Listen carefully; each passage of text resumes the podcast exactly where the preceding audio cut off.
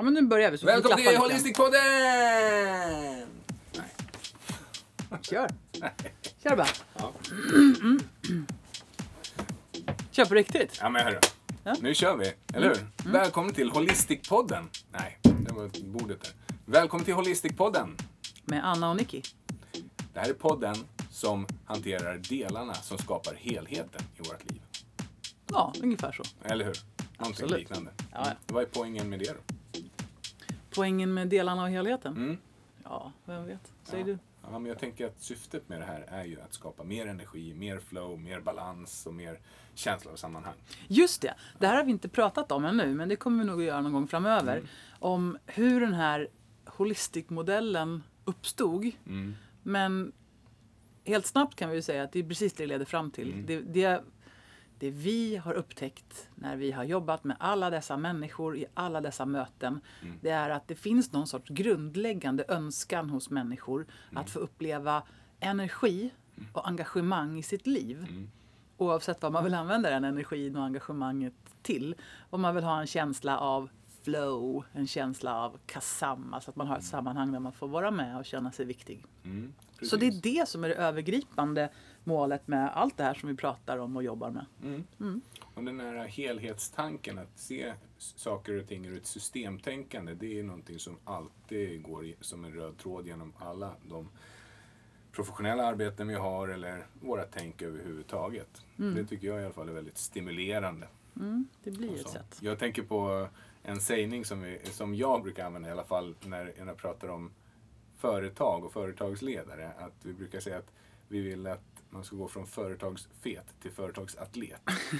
och eh, det kanske är provocerande men egentligen är det det det handlar om. Att förstå att man ska vara fit for the game. Att liksom ta tillvara på de system som vi har. Och vi har en kropp som kan alstra enormt mycket energi. Eller så kan vi ha en kropp och ett system som tar jättemycket energi. Mm. Och det är våra val som styr här. Och då pratar du inte bara om våran fysiologi, eller hur? Nej, då är det helheten som måste in. För att vi, det är, vi kan inte...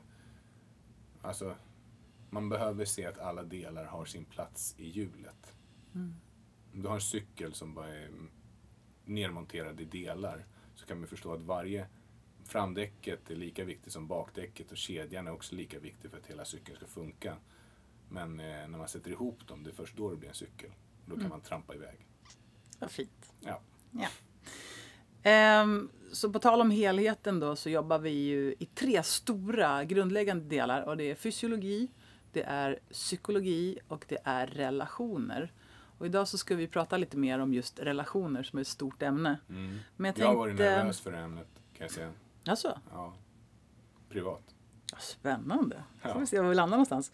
Ja. Eh, jag tänkte, ska vi kolla lite grann vad som har hänt i veckan på tal om relationer? Oj, oj. Ska vi verkligen gå så djupt? Nej, vi kan skrapa lite grann på ytan till att börja med. Jag kan tycka personligen att det har, det har varit utmaningar på relationssidan Mm. I veckan som har gått. Eh, vad ska vi säga om det? Nej, men jag, jag tycker helt ärligt att man kan vara autentisk. Alltså, man, jag, tror, jag tror så här att med tanke på hur många klienter man träffar från alla håll och kanter och alla olika nivåer av ekonomiska nivåer och utbildningsnivåer och så vidare så visar det sig ändå att de allra flesta har ungefär liknande utmaningar i livet. Och jag menar, vi har våra barn och vi har tonårsbarn och de flesta som har tonåringar vet att det är en utmaning och vi har oss själva, det är också en utmaning. Och vi har eh, företagen och sånt. Allt det här måste man ju på något sätt relatera till, eller hur? Det, är- det är liksom, det är tufft emellanåt. Mm. Mm. Så vi har ju då två stycken tonårstjejer hemma hos oss. Mm. Och sen så har vi en liten kille och sen så har vi en hund och sen så har vi en pappa och en mamma. Mm. Som är perfekta. Jävlar vad perfekta vi är som föräldrar. Alltså De perfekta föräldrarna. de perfektaste föräldrarna. Ja, Ja. nu när du säger Ja. det. Och, och det innebär att allting blir perfekt. Ja. Våra barn är perfekta och de uppför Åh. sig framförallt perfekt. Ja. Och de bara seglar iväg till skolan och med sin matsäck och så kommer de hem och, och, och allt är frid och fröjd och det är så himla mysigt. Mm. Och så säger de puss mamma, puss pappa, älskar dig. Okej, nej men det var inte så då. Nej. Nej, det var inte så. Nej, det det. Nej. Utan eh, vi har istället eh, fått eh, lite feedback Mm. ifrån lite olika skolor och lärare och så försöker man prata med sina tonåringar och i bästa fall så är man en eh, hyfsat sansad och klok version av sig själv. Ja. Och sen var det väl någon gång där på tisdagen tror jag som jag eh, tappade det totalt. Ja. Ehm, ja, vad ska man säga? Man blir förvånad över sig själv. Nej, men det är, så är det. Det får mig direkt att tänka på ett program av Dystopia-podden som pratade om kärnvapen och såna atombomber. På tal om mig. Ja. Ja, jag Och förstår. hur det bara wiped out stora delar av allt. Ja. Så, Men, ehm, Men för att förklara lite mer så är det så att från min sida då, som mamma, mm, så har man en ständig omsorg för sina barn. Och även om man blir galen på dem ibland så urspringer det här ur att man är så himla... Man tycker så mycket om dem. Man vill att det ska gå så bra för dem. Eh, och det har ju, de dåliga saker som dyker upp mm, hamnar ju i fokus. Det är väldigt sällan som någon ringer och säger Hej hej! Jo, 90% av tiden så gjorde ditt barn fantastiska saker och sen hände också det här. mm, Utan de hör ju av sig och berättar att vad som inte har gått bra. mm. Jag, jag tänker att det där är så himla intressant. För det finns ju en grupp människor som jobbar med till exempel sådana här yrken som har en controller-funktion. De ska kontrollera eh, att det inte finns några fel. De blir ofta väldigt slut av det här eftersom deras fokus går fullständigt åt till att hitta fel. Det är vad deras yrkesprofession är. Jag är problemsökare. Och det där är ju ingenting som... Jag skrev på Insta, min Instagram-profil, Hälsoriddan. Där skrev jag om att eh, fokusera på... Istället för att fokusera på problemen, fokusera på, på, på, på lösningarna. För att våran hjärna är ju liksom programmerad att se de här problemen hela, hela, hela tiden. Och då när man får det här bombardemanget ibland från, från skolan, om man har tre barn och den här teknologin då som är fantastisk på många sätt. Det gör ju att man får så sjukt mycket information på en gång. Och de här problemen de hopar sig så till slut så kan att barnet tugga tuggummi i skåphallen, det kan bli en jättestor grej känns det som. Tills man zoomar ut och då känns det bara futtigt. Det är mitt bästa redskap just nu, Ja. att zooma ut. Ja. Därför att när de här olika överträdelserna lägger sig på hög, det vill säga idag för nu för tiden, jag menar när vi gick i skolan, då var det inte rapportering på alla saker som hände. Nej, tack och lov. Ja men verkligen. Alltså, verk, ja. Jag kom nog för sent varje dag hela högstadiet. Men det försvann liksom på något sätt i mängden. Mm. Med mera.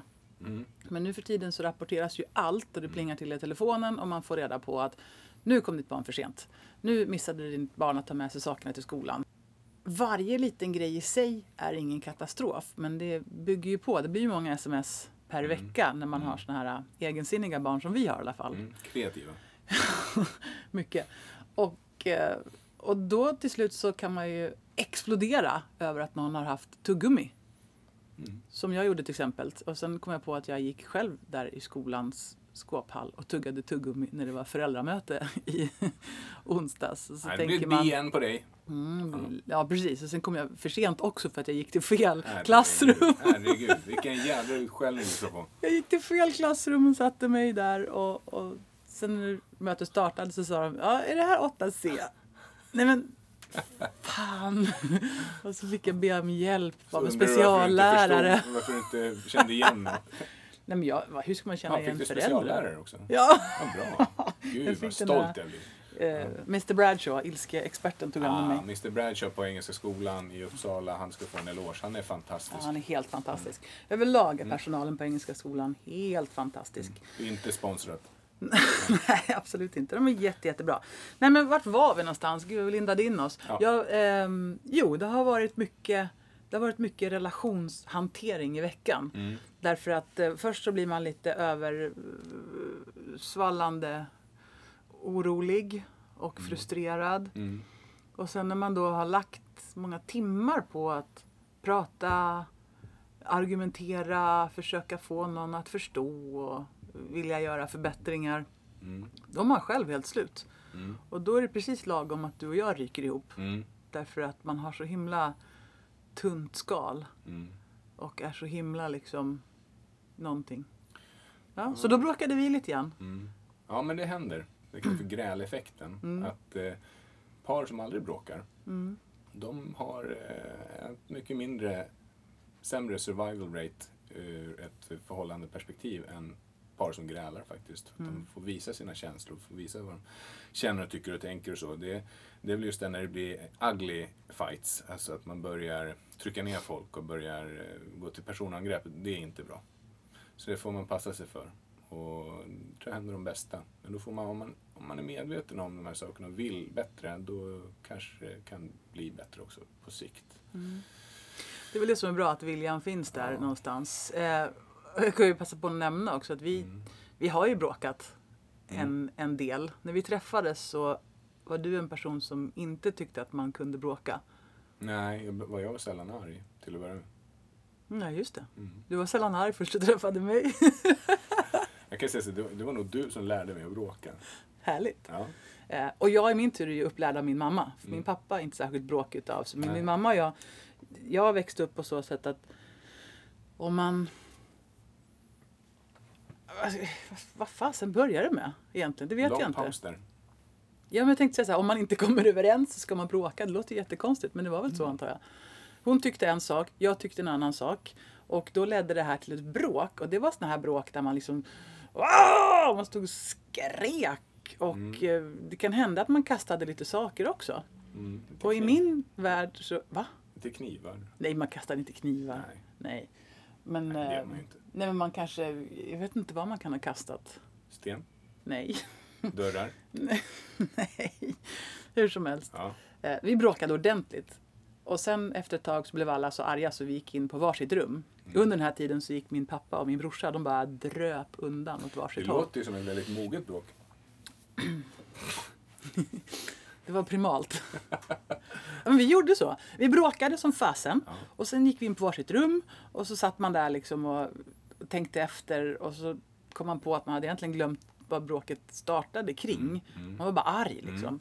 Och sen så la det där sig lite grann och sen så kom min mamma in till mig och så sa hon, du förlåt vad arg jag blev. Mm. Och då så kunde vi prata en stund och sen kunde jag också säga, ja förlåt vad dumt jag sa.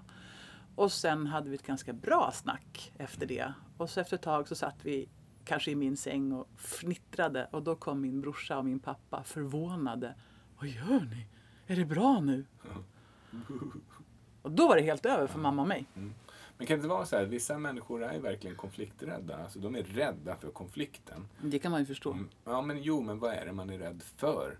Alltså, oftast så handlar det om att man är rädd för att bli avvisad. Att den här konflikten ska leda till att jag inte längre får vara i det här sociala sammanhanget. Det blir en social smärta. Och den reagerar ju hjärnan på stenhårt. Det, social smärta registreras ju på samma sätt som fysisk smärta, ibland värre för hjärnan. Och det här kan man ju backtracka då till varför är det på det här sättet. Vi vet ju att vi mitt liv kommer inte ta slut bara för att jag har bråkat med någon eller inte kommit överens med någon. Men Nej. Back in the days Mm. så var det förmodligen så här att det var livsavgörande för oss att få vara med i flocken, i den grupp av människor som vi levde tillsammans med. Mm. Eh, så var det jätteviktigt. Och var man ensam utanför flocken, då dog man nog ganska snabbt. Mm. Så att man kan ju spåra tillbaks det här till att det här har varit jätteviktigt för oss. Jag tror det är därför vi har så mycket ängslan kring att passa in. Vem är jag? Vem är du? Får jag vara med? Är jag omtyckt? Respekterar du mig? Och sådär. Det, Ja, det och är att vi alltid skannar av, liksom att se. För det här behovet av att få känna samhörighet. Mm. Det är ju enormt viktigt för det, det är ju samhörighet och kärlek. Mm.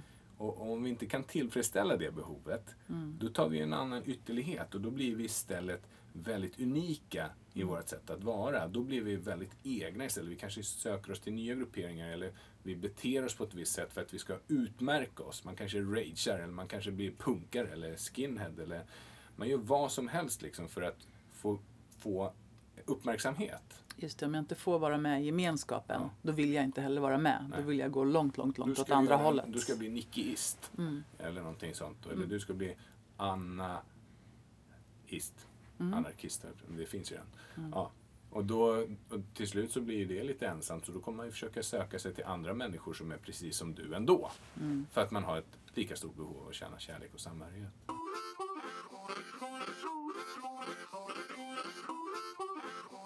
Ett experiment från 1950-talet visar betydelsen av fysisk kontakt. I det här experimentet satte psykologen Harry Harlow babyresusapor i en bur och lämnade dem ensamma en liten stund, det vill säga utan sina föräldrar eller kamrater. När han tog ut dem ur buren konfronterade han dem med två olika mödrar för att de skulle kunna bestämma sig mellan de två.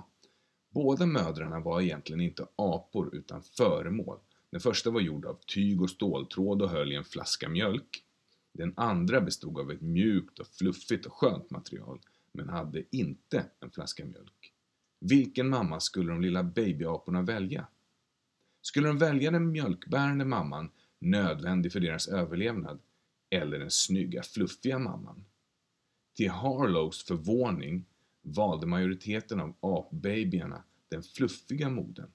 Tydligen var känslan av kroppskontakt och närhet viktigare för dem än att matas med mjölk. Naturligtvis är människor och apor endast delvis jämförbara, men flera liknande mindre drastiska experiment med människor pekar alla på liknande resultat. Människor lider av social isolering och reagerar positivt på fysisk kontakt. Det har att göra med det faktum att när vi kramar någon släpps ett hormon som kallas oxytocin in i kroppen, vilket effektivt minskar våra stressnivåer och känslor av smärta. Dessutom sänker det vårt blodtryck och vi upplever mindre ångest under en kram. Det finns också ett exempel på någonting som dök upp på ett barnsjukhus i USA för många herrans år sedan. Där det var, visade sig att väldigt många av barnen som lämnades i sina kuvöser, alltså eh, föräldralösa barn, dog plötsligt när de hade kommit in på sjukhuset. Men rätt vad det var så började barnen överleva och de började titta in på vad det här kunde bero på. Och det visade sig att det, hon som var sköterska under nattskiftet där stod inte ut med alla barnen som låg och skrek i sina små sängar och kuvöser. Utan hon bestämde sig för, trots att hon inte fick för att reglerna inte tillät det, så tog hon upp varje barn en liten stund och höll det mot sin barm en liten stund varje natt. Tills det lugnade sig. Så gjorde hon det med alla barnen. Och det visade sig att överlevnadstalet steg till nästan 100% på bara loppet av några dagar.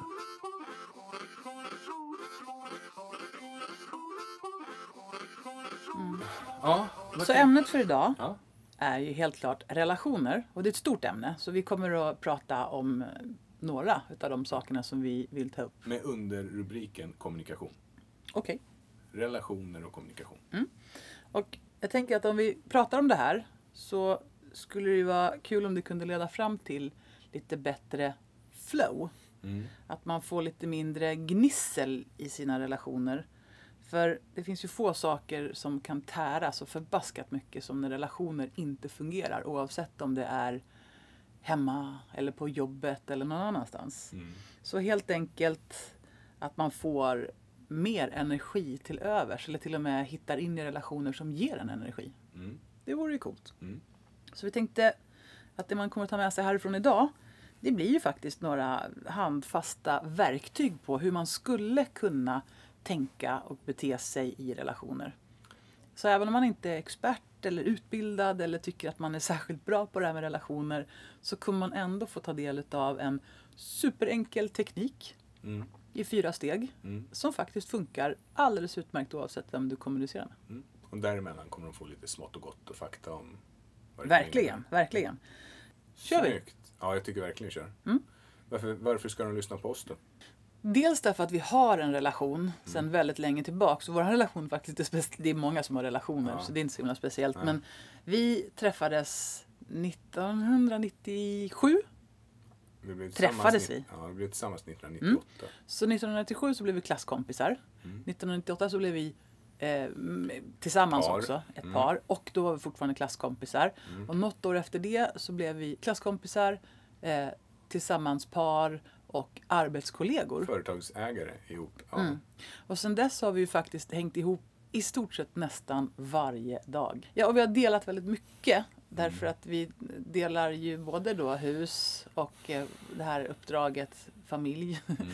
Men också har vi delat arbete, eh, drömmar, Mm. eh, strävan, företagande. Mm. Vi har delat väldigt mycket tillsammans. Och då kan man ju förstå att det är många relationer som går in i det där. Då är man plötsligt i en kollegarelation. Och, så det, det är den personliga erfarenheten av det här. Men sen jobbar vi också med andra människors relationer. Både i stora grupper och i individfall. Mm. Det är ju fascinerande hur vi, hur vi människor funkar i relation till andra. Det är ju det. Ja, och det verkar inte vara helt lätt. Om det vore det så skulle det väl inte finnas krig och konflikter och allt annat skräp som finns. skulle finnas HR-avdelningar heller. Nej, kanske inte det. De kanske skulle ha helt annat att syssla med Ja. framför allt. Verkligen. Mm. Men du, Mm. Det vi kan konstatera är väl i alla fall, ja men du är ju också professionell coach och förändringsledare. Mm. Förutom att du är naprapat och personlig tränare. Och samma sak är med mig, men jag jobbar också som psykoterapeut med inriktning KBT. ja, Och det man kan säga, Mm. det är ju så här att relationer, mm. det kan vara helt underbart härligt och ge massor av energi och glädje och näring till själen, eller hur? Mm. Mm. Det kan också vara det värsta av värsta när det inte funkar. Framförallt när en relation till någon man tycker om och bryr sig om inte funkar. Jag tror att det är en nyckel. Alltså om, om våra tjafs, Mm. om jag inte skulle bry mig om dig, om inte jag skulle älska dig, vilket jag gör, ja. så skulle det inte vara jobbigt att tjafsa med dig. För då skulle det vara som när man tjafsar med någon annan som inte bryr sig om riktigt, så här, på riktigt. Man Mm. tänker ja, vad fan. Absolut. Om jag, om jag bråkar med, med någon i biljettluckan på tåget, eller Ja, jag skulle då kan man säga. ju släppa det efter att man gått av tåget. Det Igen. är inte viktigt. Nej, Precis.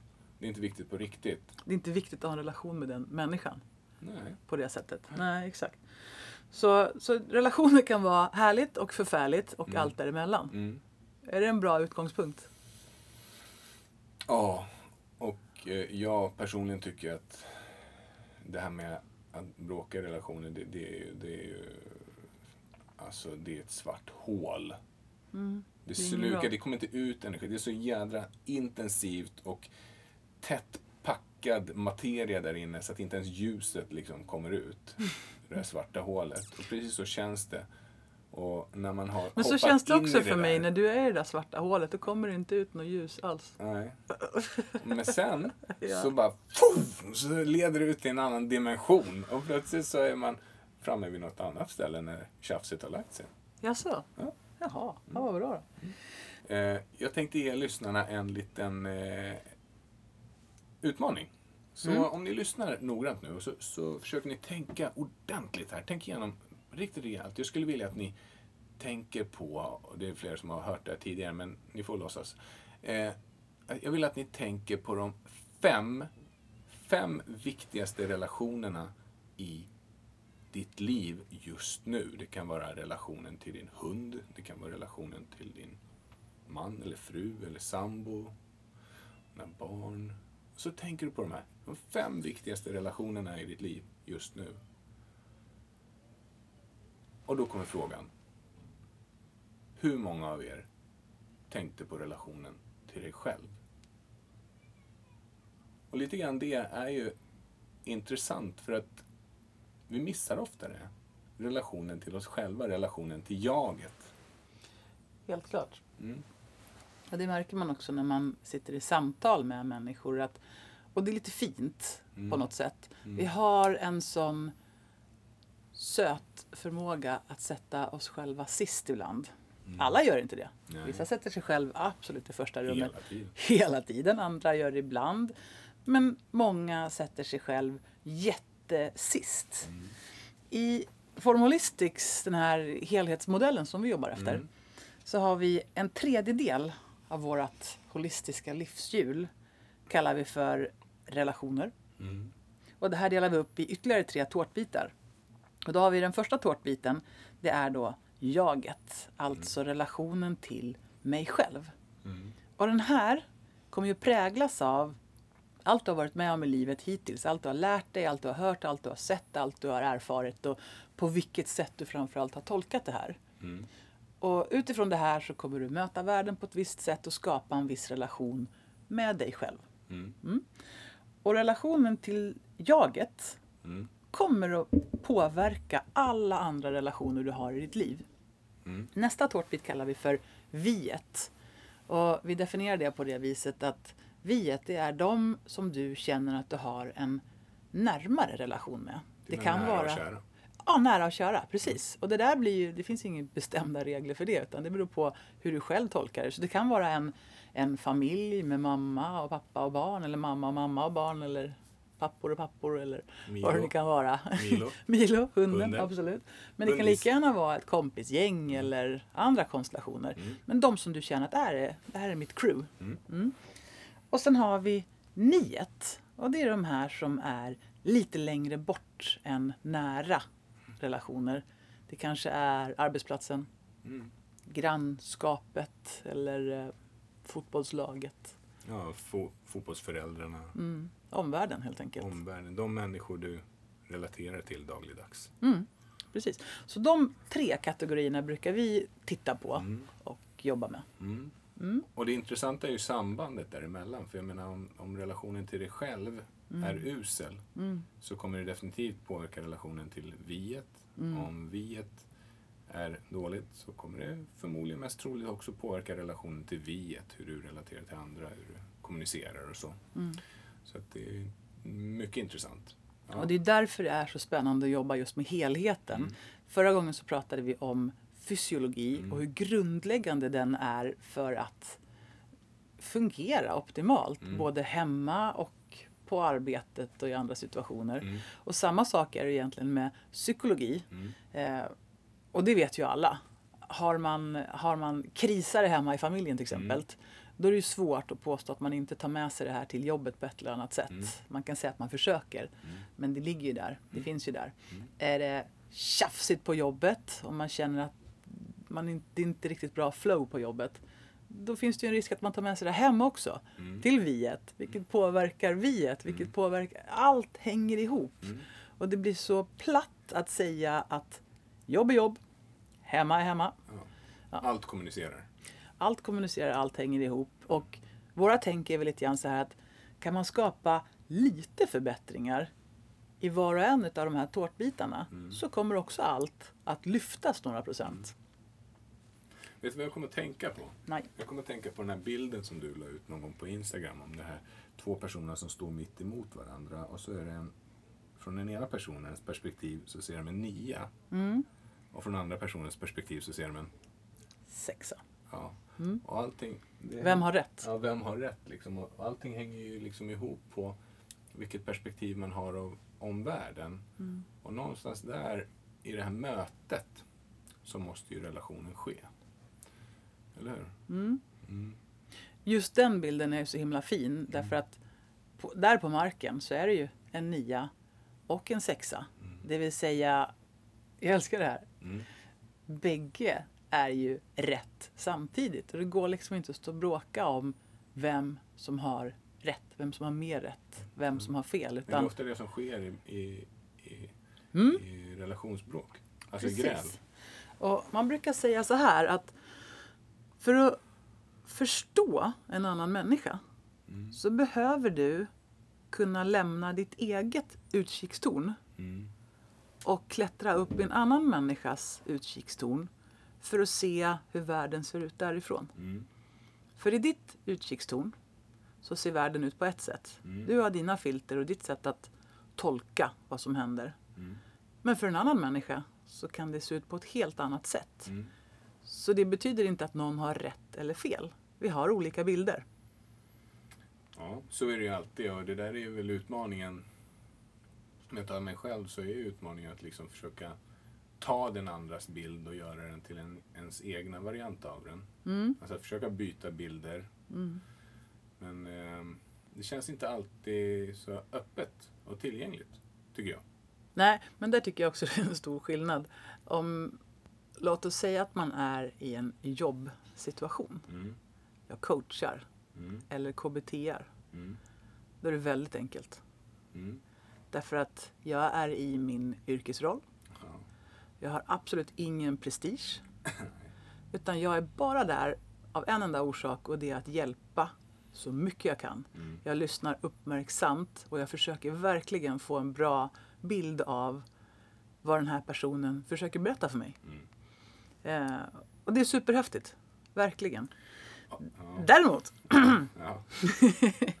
när, eh, jag har inga som helst behov egentligen av att den här personen ska se mitt ton och min bild så himla mycket. Det är inte viktigt i den relationen. Nej.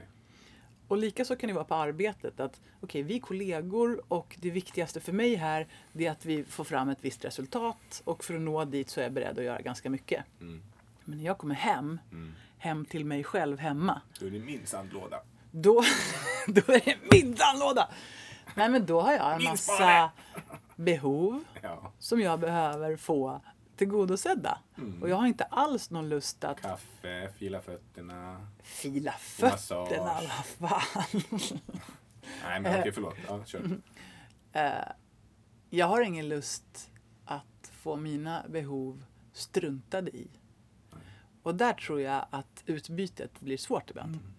Och jag tror också att just det här dynamiken i de här behoven, för de kan ju skilja sig från dag till dag också. Och på något sätt så måste man ju försöka då pacea varandra om det ska funka. Man- Alltså, kalibrera, liksom, var, var befinner vi oss nu och hur fan ska man veta det? Liksom? Jo, man måste väl fråga då, men ibland är man lite full av, full av sig själv. Liksom. Så att, jag, jag tänker på, på, jag hade alltid på mitt, när man skrev eh, pappersjournaler så hade jag ett citat av Sören Kierkegaard alltid på mitt eh, journal, eh, vad det heter, den här grejen. Jag vet det och jag minns det mycket väl, Mm. vad du hade för citat. Ja, dels hade jag ett romerskt som var att, eh, att leva är mer än att bara hålla sig vid liv. Mm. Men jag hade Sören Kierkegaard, så den börjar ju så här. Om jag vill lyckas med att föra en människa mot ett bestämt mål måste jag först finna henne där hon är och börja just där. Den som inte kan det lurar sig själv när hon tror att hon kan hjälpa andra. För att hjälpa någon måste jag visserligen förstå mer än hon gör, men först och främst förstå det hon förstår. Det där är så himla fint och jag minns ju att du hade det där på din platta där. Exakt så tror jag att det är och det för oss lite grann in på det här med att följa. Alla människor har ett behov av att bli sedd och hörd och bekräftad. Mm. Man vill bli bekräftad för den man är. Man vill inte att någon bara kör över en eller behandlar en som att man inte är viktig. Mm. Och att det, det jag är inte betyder något. Utan människor blir bekräftade. Och ett fantastiskt sätt att skapa kontakt med andra människor Mm. är ju då att följa, följa, följa, leda. Mm. Eller hur? Mm. Vill du berätta lite mer om det? Ja, men jag kan berätta idag från en patient. Jag hade det här samtalet med en patient och så, så pratade vi just om det här att man måste hela tiden anpassa sig efter människan man har framför sig på ett eller annat sätt för att kunna komma vidare. Så att om jag, vi säger att i, i, med naprapathatten på då och så kommer det in en pers- person som säger Ja, tjena, alltså jag har så himla ont i ryggen och, och så ont i nacken och ont i huvudet och det, är- alltså, det är så jävla mycket att göra. Så blablabla." Då kan inte jag säga mm, jaha, kan du berätta mer? Kan du sitta och ta det lite lugnt i så fall? Alltså man måste på något sätt pacea. Okej, bra. Okej, fint. Okej, vad är det som har hänt? Och kan du berätta mer? Och sen så får man, när man har följt den personen i sin rytm lite grann, så kan man liksom sakta men säkert börja lugna ner sig lite grann och säga okej, fint, bra. Kan du berätta vad, vad är det som har hänt? Vad kan jag hjälpa dig med? Och om man följer en person först, på riktigt intresserar sig för personen. Vad är det, blir nyfiken på, vad är det som, vad är den här personen vill? Vad, vad gör den här personen? Hur beter den sig? Så går man lite grann i den personens fotspår. Man kan ta det som en, en vals också. Att man, man liksom låter sig själv följas med först. Och när du har följt i några steg så kan du sen till slut börja leda. Mm. Och så är det helt enkelt. Och det här är lite som en dans, ledarskap. Det är följa, leda. Det, är inte, det står inte still hela tiden. Utan Du måste vara sensoriskt nyfiken liksom på vad är det som händer. Så motsatsen till att följa, vad skulle det vara då? Ja, men det är alltså om den negativa motsatsen skulle vara styra då. Alltså chefa, liksom besluta, beordra. Sådär. Komma in och peka med hela handen och säga det här ska bli gjort. Gör så här. Ja. Mm. Och då har man inte följt särskilt mycket. Nej. Så det, du- bara för att förtydliga, det du beskriver är då att om någon kommer in och har ett väldigt, väldigt högt tempo och Mm. hög volym. Eh, då kan det vara för det första superstressande om du är väldigt, väldigt långsam och lugn. Mm. Eh, Och sen det andra som händer det är ju att när man ser lik, vi, vi gillar likheter. Vi gör ju det. Ja. Vi gillar ju människor som är lika Opposites oss. does not attract. Nej. Nej. Utan vi gillar ju likheter. När vi upptäcker likheter, typ att vi har gemensamma nämnare, då blir det väldigt, väldigt roligt. Mm. Så en bra sak är ju att hitta de här gemensamma nämnare. Mm. Gillar du Precis. också gamla bilar? Nej men det gör jag med. Och så kan man prata Men lite grann vilken om... trevlig person. Det är precis som jag är. Alltså det är ju så det funkar. Absolut. Ja men jo men lika sök, eh, li, eh, lika söker olika eller vad är det man? Man säger i och för sig Lika- kaka söker maka ibland. Men man brukar säga att man, man dras till sina motsatser. Men det är Mm. ju inte riktigt så när det kommer till mänskliga relationer. Man kan tycka det är intressant men man tycker att folk som är ganska lik en själv, de är lite extra bra. Och, Mm. Det är himla kul det här med giftas tycke. Har du tänkt på det någon gång? ja, det, det är sjukt intressant faktiskt. Giftas tycke är ju när folk utseendemässigt Ja. liknar varandra. Och när man börjar titta på det där och tänka på det där, Mm. då är det nästan löjligt i vissa Det är fall. många som har sagt att vi är ganska lika varandra. Jag vet! Jag tror att det är min stora näsa. Tack. Det är därför du och Milo tycker om varandra. Men i alla fall. Så, eh, och, och eh, det här är ju så att det vi fokuserar på, det är det vi får. Och, och det vi fokuserar på bestäms ju väldigt mycket av de filter vi har i vårt huvud. Det vill säga de värderingar och föreställningar och minnen och händelser och beteenden som vi liksom har lagt oss till med genom åren. De generaliserar och förvrider och förvränger vår upplevelse av det som vi upplever utifrån. Just det, nu har vi kommit in på filter, Mm. ja precis. Och det är ju som att man har ett kaffefilter genom vilket man silar allt Mm. man upplever. Eller alternativt glasögon på sig med ett visst filter. Genom vilket man silar allt som kommer in. Mm. Så ja, absolut. Mm. Det innebär ju att... Ja, men ska du berätta det där? Om det här stora, långa middagsbordet. Ja, just det. Okej. Det, det, det, det, var, det, var två, det var ett par som bodde ensamma i ett stort hus, en herrgård. De hade massor med rum och i ett av rummen så stod ett stort middagsbord. Och eh, det fanns massa stolar runt det här middagsbordet, det är inte så viktigt, men de satt på varsin sida, kortsida av det här långa, långa bordet. Och Det lät lite distanserat. Ja, det var lite distanserat och lite så som deras förhållande utmärkte sig också. Och så vid en, en kväll när de hade suttit och ätit så bara drar ut stolen. Tyst. Vänder sig om. Går ut genom rummet, eller genom dörren. Stänger dörren. Och kommer inte tillbaka. Och mannen blev galen. Här. Och sen så vidare med historien med spola fram då så träffar de en parterapeut. Och så pratar de om det här. Vad var det som hände? Och så berättar kvinnan sin historia och mannen sin historia. Det som det mynnar ut i var att då säger mannen så här. Ja men det måste du väl förstå. Att när man bråkar då måste man ju säga sin sak ordentligt så att det hörs. Och det är helt okej att man höjer rösten. Och man visar det med alla känslor som man kan. Men man går absolut inte, absolut inte ut genom rummet. Från rummet, utan man löser inom fyra väggar. Mhm.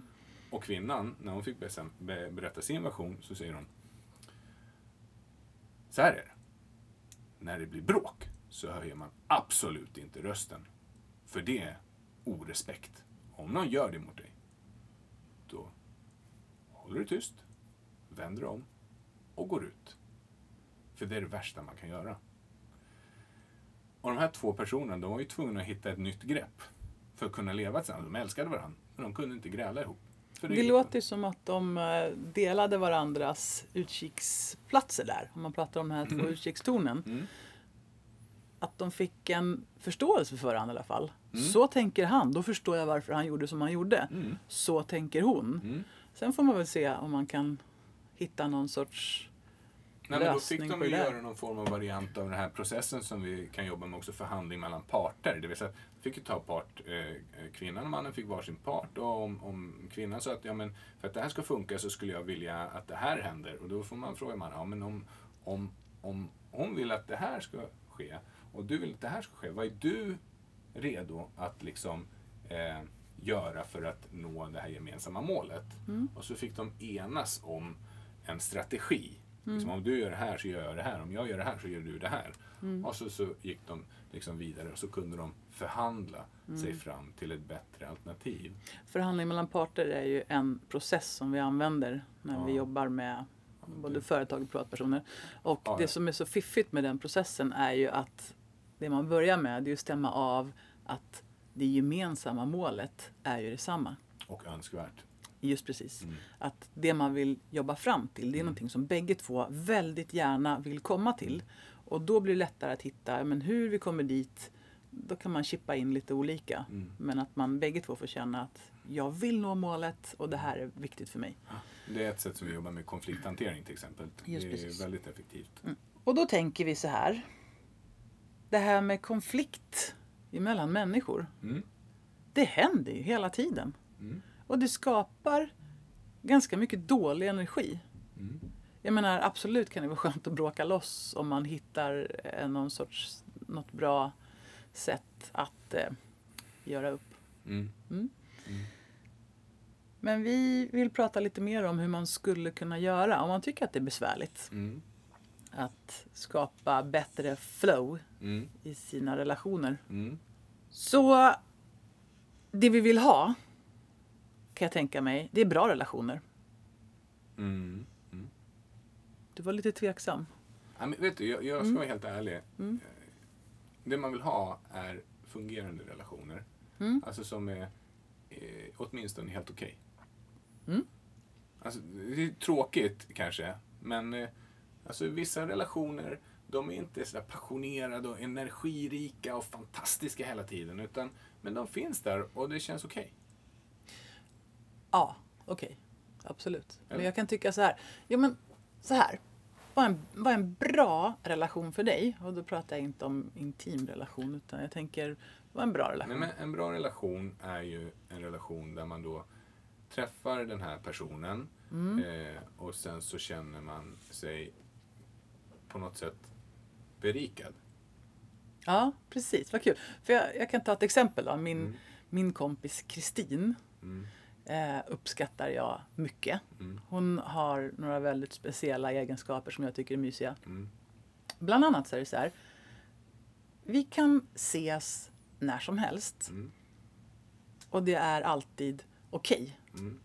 Hon blir inte arg på mig om inte vi har pratats vid på en hel vecka. Nej. Det är okej för henne. För hon har också massa andra saker att göra. Mm. Och vi kan ringa varandra och säga Ska vi springa? Ja det gör vi. Om fem minuter? Ja det gör vi. Och så ses vi. Och så kan vi prata om allt mellan himmel och jord. Ehm, jag upplever att hon är väldigt öppen Mm. och ärlig. Mm. Jag upplever att hon aldrig pratar skit om människor. Och det tycker jag är väldigt fint för då ger det mig en trygghet att om inte hon pratar skit till mig så pratar hon inte heller skit om mig.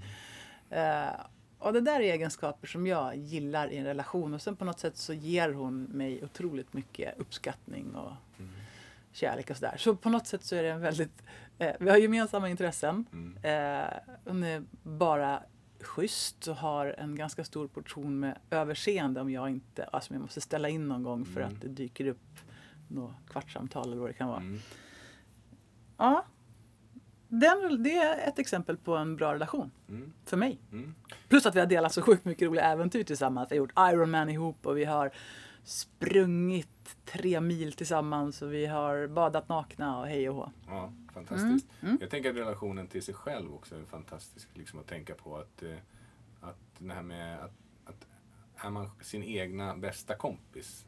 Mm. Alltså den, den, den frasen att relationen till, är du nöjd med relationen till dig själv? Mm. Är du din, ditt livs bästa vän? Mm. Är du en sån som, som du får energi av när du umgås med dig själv? Mm. Är du din bästa livscoach, personliga tränare eh, och liksom hjälpare på något sätt som får dig att blomstra? Mm. Är du det? Inte alltid.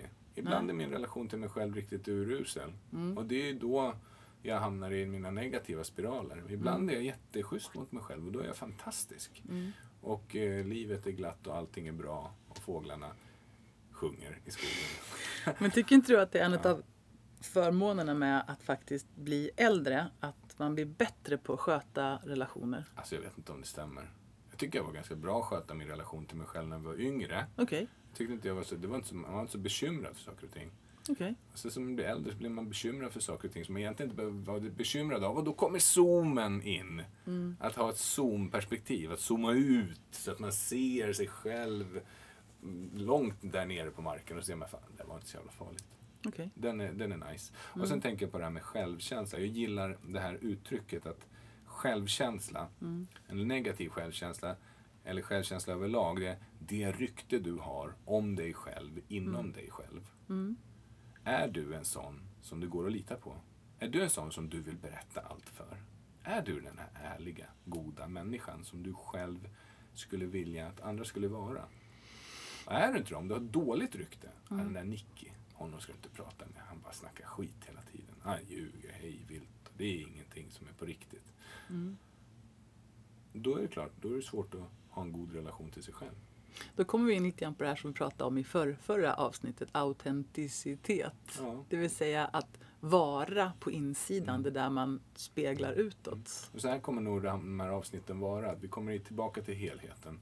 Allt kommunicerar. Det finns alltid ett system. Mm.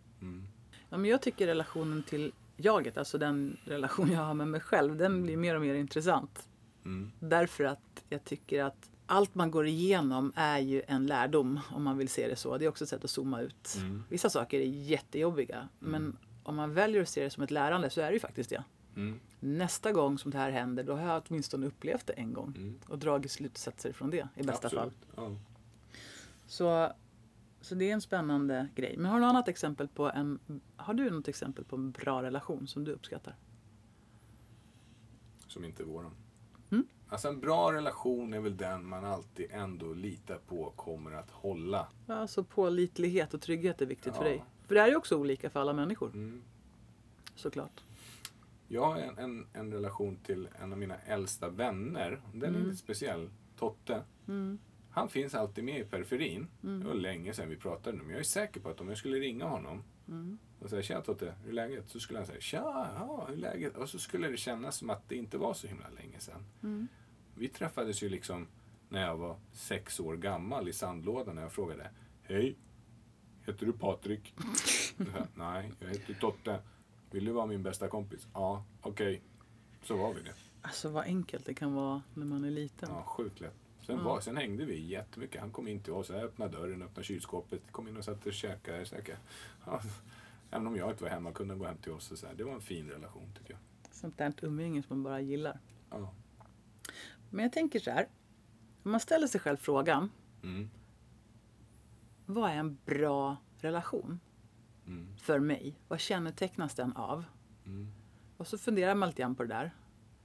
Då får man säkert ganska så många ledtrådar till vad man själv söker för relationer och kanske också vem man vill vara i en relation. Mm. Och likaså kan man ju göra tvärtom då. Vad är en dålig relation? Har jag varit i en riktigt dålig relation någon gång och vad kännetecknade den? Mm. Vad var det som fick mig att till och med avsluta en relation för det var för smärtsamt? Mm. Det är bra tankar. Det är väldigt, väldigt intressant. Därför att då blir det mer konkret om man kommer upp med exempel. Så hittills har vi babblat en massa om relationer. Mm. Jag hoppas Om- att det är någonting som liksom skapar insikt, för det är det vi vill. Vi vill att man ska få insikter Ja. Ja. Vi har ju dels bjussat lite grann på hur vår relation kan vara både härlig och förfärlig. Mm. Eh, jag tror att det är ganska normalt. Och jag tror jag skulle vilja få fram den här biten så extra tydligt att alla ni människor och föräldrar och barn och sambos och singlar och grejer som liksom tänker att fan, jag måste, det här måste vara det värsta som har funnits någonsin och jag måste vara den absolut sämsta människan på hela jorden eller vad det nu än må vara. Det är inte så. Vi försöker, vi gör vårt bästa. Vi är grymma, alla på jorden. Vi är fantastiska. Man kan förutsätta det till att börja med. Och sen så får man försöka göra det bästa av situationen. Ja, och också det här med att bråk uppstår väl för att man faktiskt bryr sig. Ja. Därför att om man inte bryr sig då är det inte ens någon idé liksom att tjafsa om det man tycka. Ja, precis. Det är inte Mm. så viktigt. Ja. Nej. Eh, så att vi har relationer Ja. De kan vara bra, de kan vara eh, jättejobbiga ibland. Att man känner mycket kan Mm. ju vara ett tecken på att man faktiskt bryr sig mycket. Det kan vara bra att komma Så ihåg. hur gör man då när man bryr sig så mycket? Så kommer man i ett gräl och så ska man försöka få någon form av verktyg som man vill hålla sig till. Mm. Ja? Nu kommer vi in på effektiva och enkla verktyg. Mm. Och då är det så här. Det är inte bra att peppra någon med du-budskap. För då står man i sitt eget utkikstorn och struntar fullständigt i ditt utkikstorn och bara kastar på saker. Du är lat, du är dum, du är dålig. Det funkar ju inte alls. Mm. Nej. Det för enda som händer hos dig då är Men det är att jag känner samma behov. För jag kan ju inte, alltså om jag skulle vara en boxare i en boxningsring och så slår någon mig i ansiktet. Jag kommer överens om att vi är i den här fighten nu. Mm. Och så bara, fast det, det är bara du som får slå mig, jag får inte göra någonting. Så bara Mm. blir man sönderslagen. Då vill man ju ta upp garden och så slår man tillbaka. Men Mm. du då? Och du då? Och du då? Och så sitter man där i sandlådan Mm. och kastar grus på varandra eller sand i ansiktet. Kommer det någon lösning av det här beteendet till slut? Nej, det gör det absolut inte. Ja, alltså, så här är det ju. Enligt konfliktmodellen så är det så att du kan komma till en lösning via konflikt, men det tar väldigt mycket energi. Uttröttningsmetoden. Ja, alltså det tar mycket, mycket energi. Mm. Och andra eh, vägen dit, det är ju kommunikation. Effektiv kommunikation. Och plus, det är inte så nice. Nej, Man vill inte jävligt- vara en person som står och kastar dömanden på en annan Nej. människa. Och man vill inte heller vara en person som tar emot någon annans dömanden. Nej, det är ugly. Ja, det är inte snyggt. Nej. Nej. vi struntar i det. Ja, Okej. vi lägger åt sidan. Då går vi ett steg upp på förbättringstrappan. Mm, bra. Då kan man säga så här. Jag tycker att du Ja, är. jag tänker så här. Mm. Att man blåser såpbubblor. Man, om man tänker sig en såpbubbla. De är ju väldigt känsliga. De svävar omkring där alldeles själva. Mm. Och sen så möter de en annan såpbubbla. Mm. Då blir det en sån här dubbelbubbla. Men de går inte i varandra. Utan det finns en tunn, tunn skiljelinje där i mitten. Mm. Som gör att de fortsatt kan sväva omkring där och vara jättefina. Mm. Men så, så kommer någon och... Ja, en bubbla! Och så petar man på den. Vad händer då? Puff! Då spricker den. Mm. Vad fasen. Då var det skit också. Och lite grann så är det ju med kommunikation. Att om, om du är i din bubbla Mm. och så är jag i min bubbla. Mm. Och så vet vi att vi kan bara mötas i det här gränslandet. Mm. Men så fort jag pekar mitt finger och säger du då? Så Mm. säger det Puff. puff. Och så har din bubbla spruckit. Och då har inte du någon bubbla. Vad gör du då? Ja, då sticker du in ditt finger i min bubbla. Så puff! Och så har det inga bubblor. Och så plötsligt så börjar vi gräla. Det är så roligt. Du är den rosa fluffiga personen i vårt förhållande. Ja. Mm. Jag kan, Men, jag kan men det är fint. Absolut. Någon måste vara det också. Mm. Och det var fint sagt. Mm. Bubblorna. Respektera bubblorna. Mm. Och hur gör man det? Stick inte hål på någon annans bubbla. Ja, men Då har du säkert någon strategi. genom att inte hoppa in i någon annans bubbla och säga nu ska jag berätta för dig vad du är. Mm. För det är ändå inte sant. Nej. Det är inte så att du är det bara för att jag tycker det. Nej.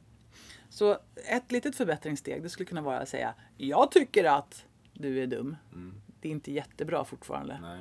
Men eh, det är lite bättre. Eller? Känns det lite Nej, bättre? det tycker jag inte. Nej. För det är lite jag-budskap i det. Ja, det är fortfarande Jag dåligt. Mm. tycker att du är dum. Där har du redan sagt du. Ja, men jag-budskap är bra, men dömandet är inget bra. Nej. Nej. Så om vi nu tar ytterligare ett steg upp på trappan. Ja. Då pratar vi i jag-budskap och vi dömer inte. Nej, vi pratar om fenomenet. Det som du tyckte jag gjorde som var dumt. Alltså det var ju så här, jag är inte dum. Exakt. Jag såg Precis. att du skruvade i den här lampan åt fel håll. Ja, och då tänker jag, Men då måste du vara helt dum i huvudet om du skruvar i en lampa åt fel håll. jag vet, men man, man måste ju ändå kunna säga det på något sätt att ja, men, jag såg att du skruvade i den här lampan. Åt Eh. fel håll. Och nu lyser den inte. Och då tänker jag, och då tänker jag att Det var ju dumt. För jag ser inte vad jag läser nu. du måste vara dum i huvudet. Vad tycker du om det? Ja, Ja men så känns det ibland tycker jag. Men skitsamma, ska vi fortsätta? sjukt effektiv strategi. Så, så Och det här, jag ska bara ge en disclaimer liksom för det här. Det är att, jag menar, om ni nu testar den här strategin som vi kommer gå igenom som faktiskt är väldigt effektiv. Så är det så att, gör den inte så schematisk. Jag upplever att Och då tänker jag, och så, alltså det blir så töntigt. Fast vet du, Ja. det blir ändå bättre. Det blir bättre men man kan försöka, framförallt kanske man inte ska, ja, åt en partner om man bråkar, om man grälar så säger du, jag har en strategi som vi ska prova. Nej, den är inget bra. Utan Nej, det är inget tar bra. det, smid medan stålet är kallt. Ja, vad menar du med det? Ja, då menar jag att, alltså, ta det när det har coolat ner sig, när ni är kommunikativa igen, när ni inte är hijackade av er egna reptilhjärna. Alltså det är ju det, när ni kan Mm. Det där är- tänka igen. Tips som, som eh, man kan ha framförallt när man har Tonåringar. skvatt galna tonårsbarn Mm. som är jättearga. Det är ingen idé att försöka prata vett med dem då. Utan då är det bra att låta det kallna lite grann. Och sen Mm. kan man prata med... Och med sig själv. Alltså om du själv känner att du är så jädra uppe i limningen. Mm. Då är det inte läge för dig att kommunicera. Då är det bättre att liksom... Take Ja, five. Ja, eller som... Ja, precis. Någon säger räkna till tio, men man kan säga räkna till hundra och gå därifrån efter hundra. Alltså, Ja, okej. eh, Ja. Eller något. Räkna till hundra, sen går du därifrån och kommer aldrig mer tillbaks. Exakt. Mm. Efter att du stoppar huvudet i en isbalja eller något. Ja. Du, det är fredag kväll, det märks. det vi skulle komma fram till, det var så här. Mm. Vi hade bubblor. Mm. Och ett sätt att peta hål på någons bubbla, det är att säga du-budskap. Du är. Och också att döma människor. Alltså att döma och värdera människor. Och det, det är väldigt sällan som det känns mysigt att ta emot. Så för att komma lite högre upp nu på kommunikationsskillsen Mm. så kan man prata jag-budskap. Och man pratar utan att lägga in dömande i det. Så istället för att säga Du är dum och dålig som inte gjorde disken. Mm. Det, det är ganska hårt. Mm. Då förstår man att någon blir arg. Mm. Så kan man säga Man kan prata om ett, Fenomenet. Mm. Disken blev inte gjord. Mm. Två, Vad jag känner. Mm. Jag blev besviken. Du hade ju lovat. Mm. Tre, vad tänker jag om det? Och då kan man ju tänka att du gjorde något annat som du tyckte var viktigare under tiden. Och då kanske du tänker att jag ska göra det. Och nummer fyra är bolla över. Vad tänker du om det? Då har jag bara pratat om fenomenet, Mm. Min känsla och min tanke. Mm. Och jag har också tagit dina, ansvar liksom. för att det här är mina tankar och känslor. Jag har inte sagt någonting om vad du är Nej. eller vad du tänker. Man har ju rätt att tänka vad man vill faktiskt. Det är det som är så fint. Man har rätt att tänka. Och jag har dessutom inte hittills lagt något uttalat dömande i det. Du har inte gjort något. Nej. Och sen bollar jag över. Mm. Och det visar att jag är intresserad av vad du har att berätta om det här. Mm. Mm. Nu låter det här jättefint. Vi gör inte alltid så här hemma. Nej. Men det, är, det funkar jätte, Alltså, jättebra. fem gånger av tio är ganska bra scorecard ändå. Alltså, man kan Ja, tänka sig att varje gång man gör någonting vettigt åt saken så blir det lite bättre. Än att göra Mm. Jo, men- bara dåligt. Exakt. ja, precis. Ja, fortsätt. Mm. Så så är det. Och eh, jag tycker att den där metoden är jättefin. Man kan ju också förstärka det som är positivt. Jag ska säga, nä, näst, nästa gång man ser att det är gjort i Mm. köket till exempel så kan man säga Oj vad fint det var i köket. Mm. Eller bara ännu mindre dömande säga Jag ser att du har plockat undan i köket. Vad glad jag blir. Eller inte ens det. Man Mm. bara säger, jag ser att du har plockat undan i köket. Bara att man noterar någon. Man bekräftar att personen faktiskt har gjort någonting. Ger en väldigt positiv effekt på prestation har det visat sig i feedbackstudier. Och motivation va? Ja, och motivation. Man, man blir liksom motiverad. Man säger, åh, den såg mig. Det är ett tips för mig, eh, från mig ofta till, till chefer och ledare på företag. Det är att gå ut med personalen och bara notera vad de har gjort. Du ska inte säga att det var bra eller dåligt. Du behöver inte göra det i första hand. Utan bara säga, hej, ja, hur är läget? Ja, bra. Jag såg att du har eh, städat undan på skrivbordet, eller vad det nu än kan vara. Utan att säga att det är bra eller dåligt. Bara notera att du har sett personen. Och det skapar direkt en känsla av att man är sedd och hörd och bekräftad att man finns till. Och vice versa är det ju så att sånt som inte följs upp Mm. eller noteras, det dör ju ut Alltså rätt ordentligt. Ja. Det innebär att motivationen för att göra någonting störtdyker när man märker att det är ingen som bryr sig. Och samma med kontroll. Det vill säga när du ska bli kollad på om du gör rätt eller fel. Och man har också sett att det minskar, det är demotiverande Mm. och det minskar förmågan till prestation. Mm. Folk vill inte prestera mer. Men du. Mm. Så hur, hur gör vi nu då? För att om man säger så här att vi har relationer till oss själva Mm. och till de som vi tycker jättemycket om. Mm. Och så har vi relationer till de som vi tycker lite lagom mycket om. Och så har vi relationer till människor som vi knappt känner faktiskt. Mm. Eh, och om man är en sån här person som känner att det är jobbigt när det gnisslar och skaver i relationerna och att man får mer energi när relationerna flowar. Mm. Kan vi anta att det är att vi har någonting på spåren här? Mm. Vad, vad, vad är det du fiskar efter? Jo, men jag fiskar efter att jag, jag lägger upp en teori om att vi vill ha mera flyt i våra kommunikationer och relationer.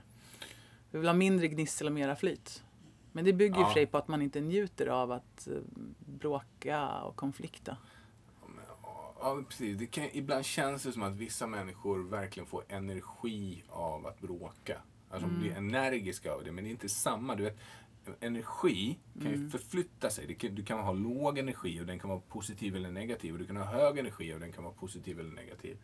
Vissa människor väljer då att de får energi av bråk, men den är väldigt negativ i sin, i sin liksom, eh, struktur. Den är bitter och arg och vredesfylld och sådär. Men är fortfarande energisk. Så jag menar, går man från ett lågenergiskt läge till det så kommer man ju känna att wow, det här ger mig någonting. Och då kanske man är en sån där jäkel som älskar att trolla på internet till exempel.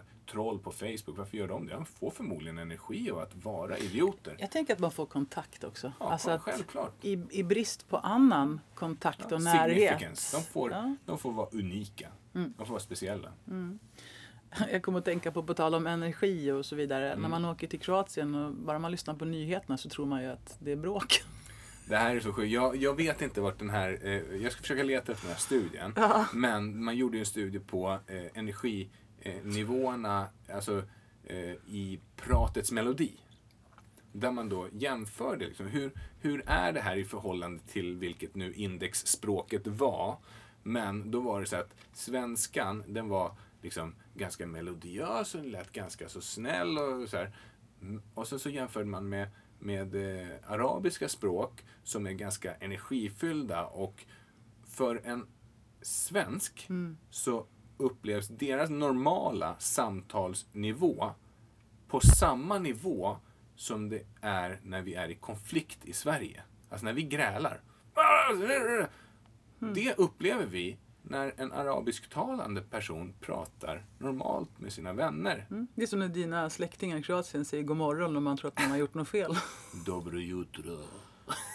Ja, men, eller när vi skulle berätta lite fint för din babba, Mm. farmor, att vi skulle förlova oss. Ja. Vi skulle snika in lite grann till henne.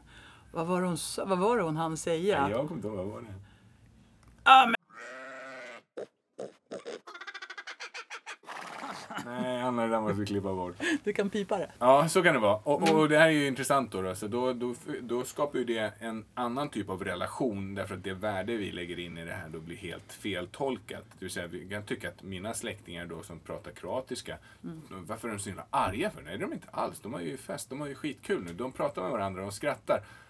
Vilket är kul därför att man också kan, man kan lära om. Mm. Det vill säga om man, om man ser någonting för första gången att jag menar, de står och skriker och viftar med armarna och jag trodde det var Mm. bråk. Eh, och så efter ett tag så förstår man att det här är ett litet eh, samtal om att igår var jag ute och fiskade och sen gick jag upp och plockade mina oliver. exakt och, och då lär man sig det och då kan man tolka om intryck så ingenting är för sent. Nej, och då behöver man inte heller bli orolig eller rädd. Men eh, att, att ha en nyfikenhet och försöka se beyond sina egna begränsningar. Eller som när du kom till min släkt och de började blänga på dig. Blänga på. Ja, just det. När man skålade, ja. Nu ska man sitta runt ett bord och sen så man dricka en liten snaps och sen så när man skålar så ska man titta varandra i ögonen lite strängt sådär. ja, nu gör vi det på skoj. Men då var det liksom, mm, ska man kolla på alla. Ja, jag bara, Är det någon som är arg eller? Ja, precis. Ja. Men det gick ganska snabbt över efter att jag satte mig i bastun tillsammans med Rune och Gustav som var nakna och satt där och bäsa.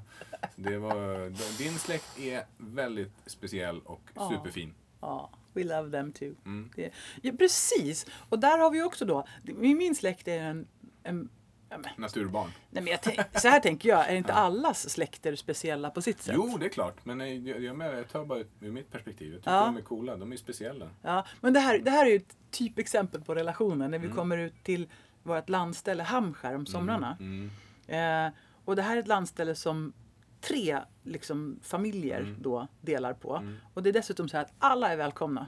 Alla, de Det flesta är är en välkomna. lyxig lokalisation, men det är Ja. inte så lyxigt där. Nej. Ur ett Därför materialistiskt perspektiv. Exakt! Och själva essensen av att vara på Hamskär, på landet. Det är en halvö så det är havet runt omkring och det är fiskebåtar, det är badbryggor. Och vi har så himla mycket kul tillsammans. Mm.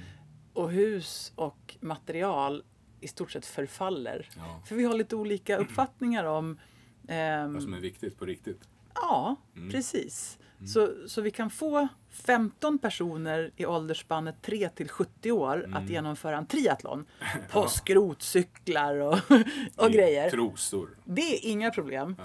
Men att få husen att hålla eller sakerna där att hålla. Det, det, ja, Mm.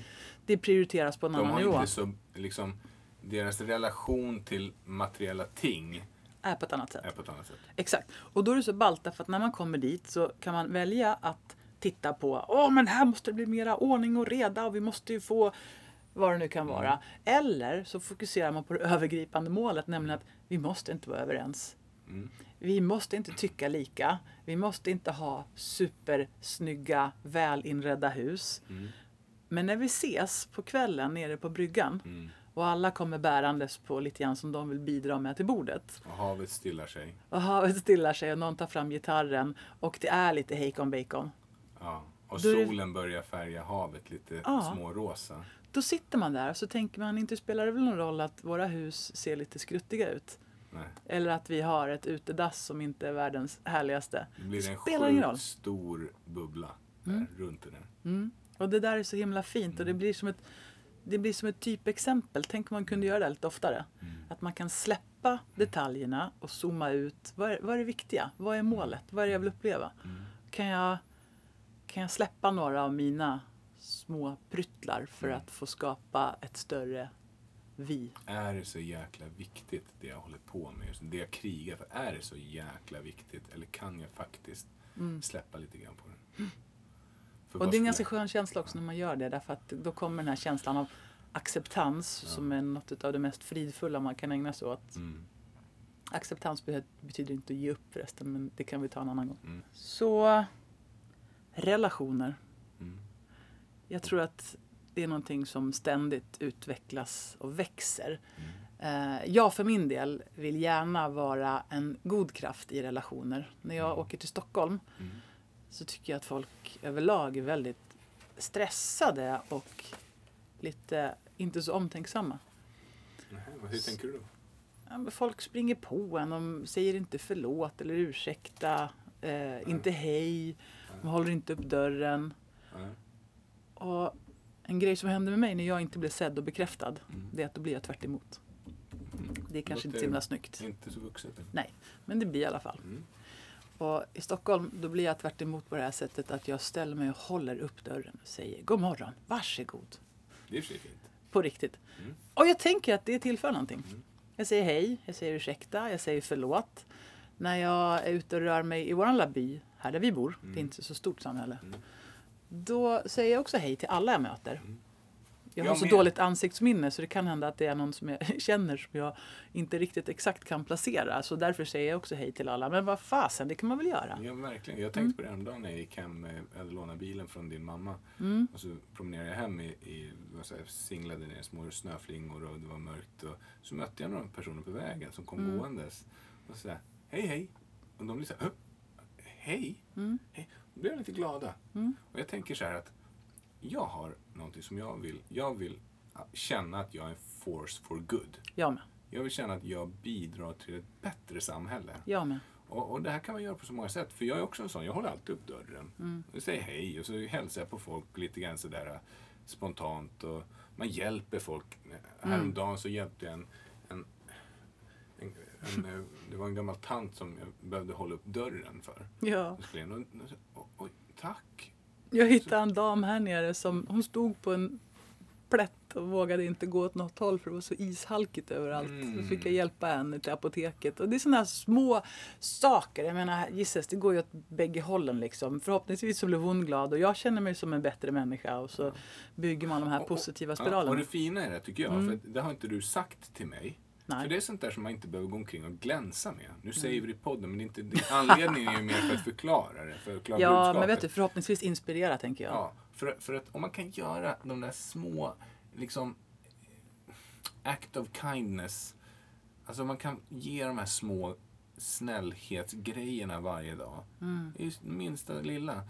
Så sprider man glädje. Exakt. Jag träffade faktiskt, jag, jag skulle gå och handla på en affär. Mm. Och i kassan så var det en person som jag inte kunde bestämma om det var en han eller hon. Eh, den personen hade lite blandade attribut. Jag kunde verkligen inte se om det var en han eller hon. Coolt. ändå. Supercoolt. Ja. Och så tänkte jag så här, nej men håll tyst. Jag tyckte att den här personen såg supercool ut. Mm. Eh, och så tänkte jag, men säg ingenting då. Men så tänkte jag, men den här personen har säkert frågat sig själv många gånger kring vem är jag i världen? Och brytt sig kanske man sätter på sig hur det ska se ut. Jo, men jag tänker det. Det var verkligen, det låg en omsorg bakom. Och så tänkte jag, varför ska jag inte bjussa på det? Mm. Så jag sa det, vad, vad cool du ser ut. Mhm. Och det verkade som att personen blev glad. Fint. Hur såg du det då? Jo, men för att eh, den log. Med ögonen? Nej, låg och sa tack. Ja. Ja. Eh, men jag tänker så här. Det är så jädra enkelt att se andra människor Mm. och bekräfta andra människor. Det är inte så svårt. Nej. Världen är full av fantastiska människor. Om man slänger ur sig en sån där grej varje dag, förhoppningsvis så landar det bra då. Mm. Då gör man ju någonting för att göra världen bättre. Ja, och man brukar ju säga så här att för att, för att mota en negativ händelse så behöver du fem positiva på det. Mm. Så fem gånger mer kärlek, Precis. fem Mm. gånger mer positivitet för att mota bort en negativ tanke. Men det är väl också bra att komma ihåg relationer både till sig själv och andra. Ja, men, och då tänker jag om, om jag är Mm. en person som bidrar med en av de där positiva sakerna för den här personen den dagen. Mm. Då, då har jag gjort liksom ett, ett avtryck i positiv riktning hos den här människan. Ja, och vet du, tänk om Och den här kanske personen... det var, den kanske låg på fyra den dagen. Och så Ja. är jag den som ger fem. Och så känns det, wow, hela dagen förändrades. Ja. Det är min fantasi. Ja, men och vet du, tänk om den personen hade en sån här dag när de inte kunde komma upp med en enda bra sak själv och så kommer du och sträcker in den bra Ja, saken. så tänker jag. Det är också himla fint. Ja, men det vet man ju själv om någon plötsligt har kastat ur sig en eh, komplimang. Då Ja. blir man så här, äh, nej men Ja, och så Tack. kan det rädda dagen. Liksom. verkligen, det, det håller i ett tag Mm. faktiskt. Jag tänker, en, en, man skulle kunna göra en sån här välgörenhetsgrej faktiskt till alla som har fyllt över 40. Mhm. Och det är ju att man helt enkelt säger till dem som jobbar på Systembolaget Jag tror det är sagt. Jag tror också det. Ja. Fråga, fråga lägg på folk som ser ut som Det har haft en... som ser ut som trötta småbarnsföräldrar. Häromdagen, eller häromveckan hände det mig också. Har du lägg? Bara, eh, ja, vill du se kort på mina tre barn också? Ja, precis. Jag blev också läggad för något år sedan. Och jag tänkte, är du full eller? Det är ju nästa tanke med det. Fan, du, det här måste ni ha kommit överens om. Eller så gör ni stickprover. Men eh, annars så är du inte helt sane alltså. Det, Men hur som helst så funkar det ju. Därför att det märker man ju att när någon blir läggad på ja, Systembolaget lägger man ut på Facebook. Ja, de lägger ut på Facebook. Ja, de frågar mig om... ja, ja. Nej, men så här. Det finns väl många sätt att göra relationer bättre. Och jag tror verkligen att vill man vara en relationsförbättrare, då gör man faktiskt världen bättre. Därför att världen just nu går inte under på grund av att relationer blomstrar. Utan världen mår dåligt för att relationer inte är så eh, schyssta. Så alla människor på den här jorden som känner att jag är en bra person, jag vill vara en force for good. Mm. Om vi gör det, om vi tar handling på det, Mm. då tror jag att det blir, då tror jag att det händer grejer. Mm. Helt ärligt. Och, och då tror jag att det börjar med en själv. Du måste försöka bygga den här relationen till sig själv så snyggt som Ja, möjligt. och vi är alla ledare. Mm. Vi är alla ledare och vi har förmågan att med våra aktiva ledarskap påverka oss själva och påverka andra genom våra tankar, genom våra dagliga beslut och genom våra handlingar till en bättre värld. Nu blev det lite grann så här som vanligt igen. Att det blev en mix av fakta och filosofi. Ja. Eller hur? Det rör helheten. Mm, det är en helhet. Mm. Helheten som påverkas av alla delarna. Det är fantastiskt. Mm. Vad känner du? It's a wrap. Vi har pratat om relationer Mm. och vi tänkte att vi hoppas att det ska leda till mindre gnissel och mer flow. Mm. Och, Och det i sin tur kan ge mer energi och engagemang till Mm. att kasta sig in och ta sig för av detta wild and crazy life som vi har fått allihopa till skänks. It's a ride. Yeah. Hej då! Hej då! Ta hand om varandra. Och vill ni nå oss så når ni oss på sociala medier. Till exempel på Instagram på formholistic eller på Facebook formholistic. Vi finns också på LinkedIn. Följ oss gärna där på Form Holistic Leadership. Eh, ni får gärna kommunicera med oss och relatera till oss genom att höra av er och skriva in och berätta vad ni tänker och era tankar och idéer. Och, och har ni tips och idéer på vad ni vill att vi ska ta upp i den här podden så kom gärna med förslag till oss också. Vi är idel öra. Vi tycker att det är roligt att kommunicera med er. Och läs också Form eh, Holistic-bloggen. Varje gång som vi släpper en podd så släpper vi också en blogg och där kan man ofta hitta kompletterande material och lite intressanta frågor. Och vad är hemsidan då? www.formholistic.com Holistic med ett C.com Ja, snyggt.